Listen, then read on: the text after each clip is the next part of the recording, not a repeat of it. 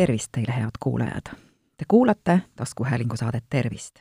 minu nimi on Aive Mõttus, olen Maalehe ajakirjanik ja tervisetoimetaja. tänases saates räägin ma teile laste vererõhust.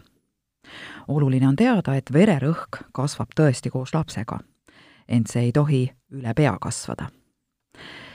kuid vahel kipub nii juhtuma ja vererõhk tõuseb kõrgeks juba väiksena, eriti aga teismeeas miks see nii on ja mida siis teha?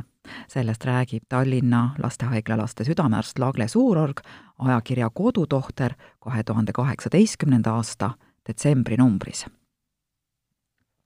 kui beebi ja väikelaps on tohtri vaateväljas tihti, siis hiljem see nii enam ei ole. mida aeg edasi, seda harvem arsti juurde satutakse, iseäranis teismeeas ja nõnda võib juhtuda, et ühel halval päeval avastatakse liiga kõrge vererõhk mis enamasti annab märku mõnest seda põhjustavast kaasuvast haigusest või seisundist. noorukeas, siis kuueteistkümne, seitsmeteistkümne aastaselt, võib aga hüpertoonia tõbi välja kujuneda ka iseseisva haigusena, millel polegi otsest põhjust.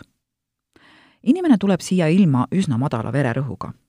vastsündinul on normaalne ülemine rõhk kuuskümmend viis, seitsekümmend ja alumine nelikümmend viis, viiskümmend millimeetrit elavhõbedasammast pisikesel inimesel polegi kõrgemat rõhku tarvis, sest äh, sellega on va-, verevarustus tema kõigis elundites kombes. üheaastasel lapsel on vererõhk keskmiselt kaheksakümmend kuus neljakümnele. vererõhule hakatakse regulaarselt tähelepanu pöörama alates kolmandast eluaastast, sest siis hakkavad lastel kõiksugused haigused ja häired välja lööma, ütleb lastearst Lagle Suurorg küll aga ei tohi juba beebidel tähelepanuta jääda aordi kaasasündinud kitsenemine, mis tõstab vererõhku. seda vanemad ise kontrollida ei saa, aga ärgu emad imestagu, kui arst katsub imikul või väikelapsel pulssi ka mõlemast kubemest. kui reia arteris on pulss normis, siis võib öelda, et lapsel ei ole vähemalt kõige olulisema veresoone aordi seisukohast terviseohtu üldine põhimõte on see, et alates kolmandast eluaastast tuleb vererõhku mõõta korrapäraselt, vähemalt kord aastas, olenemata sellest, kas laps on terve või on tal mõni tõbi. on neid, kellel on neeruhaigused, näiteks põletikud, või on neerud alaarenenud. siis tuleb lapsel rõhku mõõta ükskõik mis vanuses, ka siis, kui ta pole veel kolmeaastane.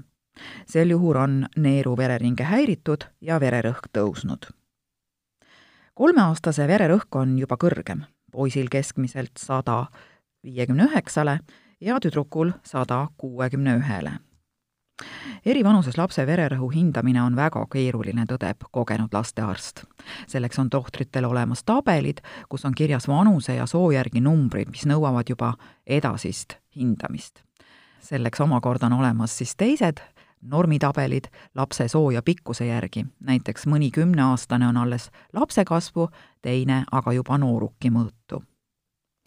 vererõhk tõuseb murdeeas eriti hoogsalt ja hakkab siis lähenema juba täiskasvanu omale. kaksteist, kolmteist on tüdrukute murdeiga, poisid jõuavad puberteeti umbes kaks aastat hiljem. järelikult tuleb siit ka rõhkude erinevus, täpsustab tohter puberteedi suur hormonaalne laeng muudab ka kogu endokriinsüsteemi. kõige sagedamini tekivad lastel siis muutused kilpnäärmes. selle ületalitus kipub andma ka kõrgemat vererõhku ja eriti kiiremat pulssi.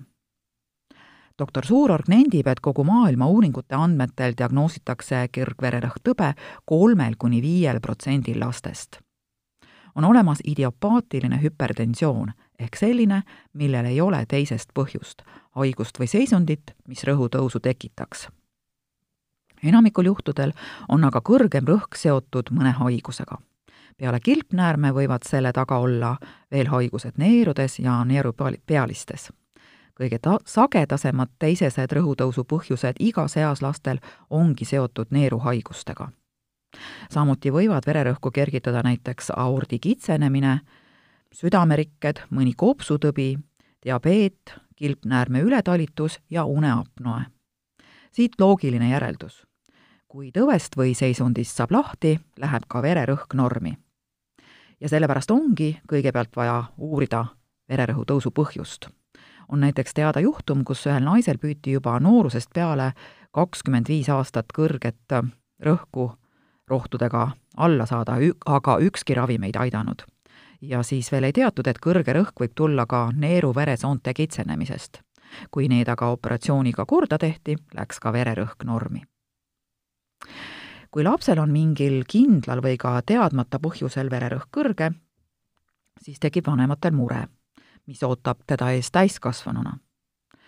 on teada, et haigused käivad mööda perekondi, sõnab laste südametohter. Kui peres on kõrge rõhuga esimese, teise rea sugulased, ehk siis ema, isa, vanaema, vanaisa, on suur tõenäosus, et mingil ajal tekib lastel, see on siis kaheksateistkümnenda eluaastani, kõrge vererõhk kui sümptom. aga alati see siiski kõrgeks ei jää. uuritakse põhjusi kui vaja, ravitakse ning siis võib tekkida periood, kus kõik läheb mööda. aga kas läheb ka tegelikult mööda või lihtsalt enam rõhku ei kontrollita? Meil jäävad ju enamasti tõsise kontrolli alt välja noored pärast gümnaasiumi lõpetamist, siis kooli tervishoid enam last ei jälgi. Ja kui noor edaspidi perearsti juures ei käi, võib-olla ainult siis, kui on äge palavik või mõni muu äge häda, avastataksegi kunagi ootamatult kõrge vererõhk. Muidugi on hea, kui üldse avastatakse enne, kui käes mõni tõsine tagajärg.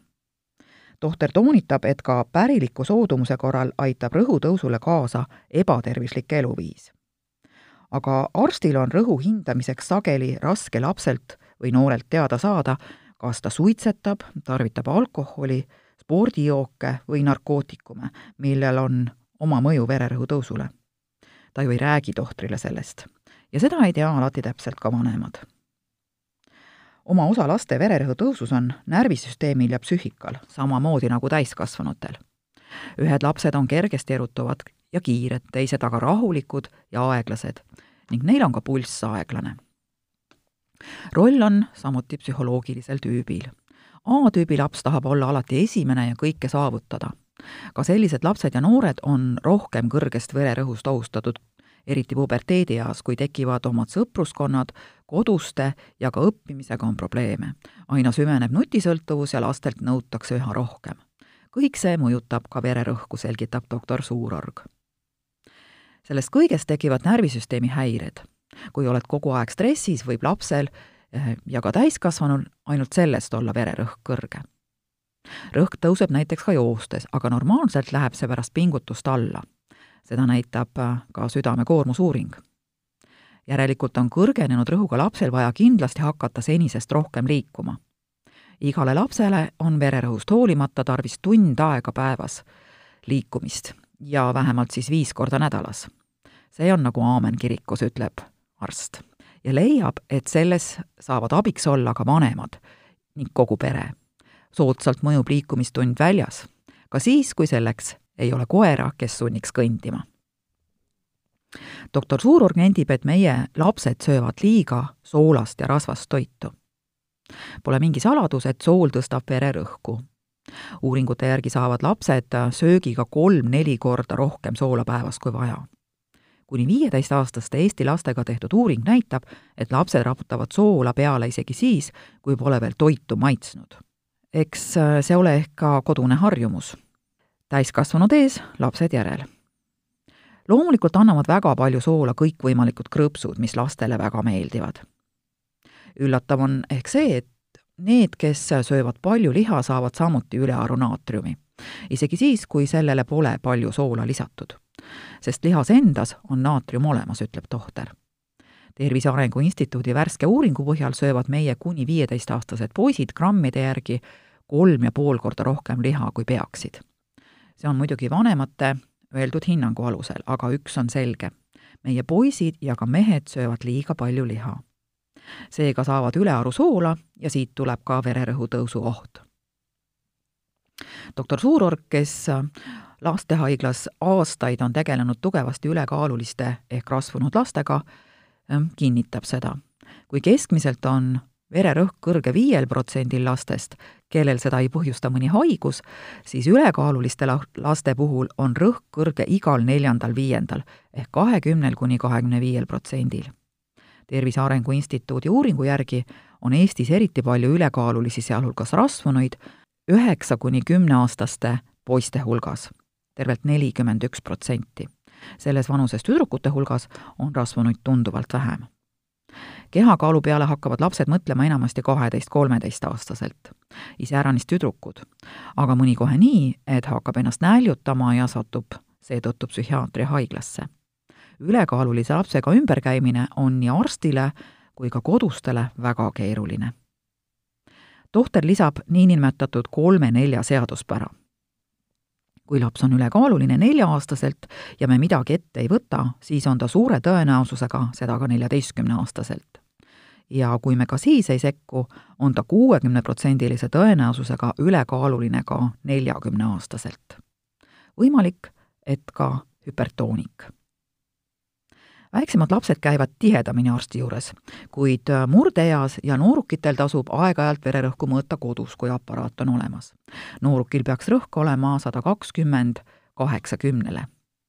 no kusagil selle ümber. Kui hommikul enne söömist ja kohvi joomist rahuolekus kaks korda järjest mõõta ja madalam näit on korduvalt üle normi, peaks kindlasti küsima nõu perearstilt, soovitab laste südametohter seda on kasulik teha eriti nendel lastel ja noorukitel, kellel on pärilik kõrge vererõhu soodumus. kõrgenenud rõhust võib märku anda ka halb enesetunne. tavaliselt tekib kõrge vererõhuga koos südame pekslemine, mille laps kindlasti ära tunneb. Lisaks võivad olla peavalud või tuikamistunne peas, pearinglus, suur väsimus lastehaiglasse tuuakse teinekord murdeealisi lapsi isegi hüpertoonilise kriisiga, mille korral on ülemine vererõhk sada kaheksakümmend, sada üheksakümmend. ja siis hakatakse otsima põhjust. kord toodi üks viieteistkümneaastane poiss, kelle enesetunne oli väga halb ja tema pea valutas hulluviisi. tehti EKG ja röntgen, mis äh, ei näidanud mitte midagi. ja doktor Suurorg räägib, et alles hiljem last küsitledes said nad teada, et ta oli ära joonud pool liitrit spordijooki korraga. spordijook aga sisaldab mõnikord kofeiini ja seetõttu oligi tema vererõhureaktsioon selline. spordijooki ei peaks laps lihtsalt maitse või janu pärast jooma. doktor Lagle Suurkolt selgitab, et kui lapsel avastatakse kõrge vererõhk ja uuringutel selgub, et see ei tule mõnest haigusest, siis alustatakse eluviisi hindamisest ja vajaduse korral selle muutmisest. esimene hüpertoonia raviga lastel ongi tervislikum toitumine, normaalse kehakaalu saavutamine, rohkem liikumine, mittesuitsetamine ja muudest pahedest loobumine. kui aga äh, vererõhk pole tingitud haigusest, mida saab välja ravida ja see hoolimata sellest kuue kuu jooksul ei muutu, tuleb ka lapsel või noorel hakata tarvitama vererõhku alandavaid ravimeid. selleks on olemas kindlad ravimid, mis sobivad ka lastele. lastegi puhul kehtib põhimõte, ravimeid nii palju kui vaja ja nii vähe kui võimalik. aga esimene asi on ikka eluviisi muutmine ja kehakaalu kordasaamine. head kuulajad, te kuulasite taskuhäälingu saadet Tervist saate leiate Delfi podcastide pesast tasku, nutirakendustest Spotify, Apple Podcasts, SoundCloud ja teised. hakake jälgijaks ja kuulake just teile sobival ajal. ettepanekuid teemade kohta, mida saates käsitleda, ootan teilt e-posti teel aadressil tervist.maaleht.ee. minu nimi on Aive Mõttus, olen Maalehe ajakirjanik ja tervisetoimetaja. tervist teile!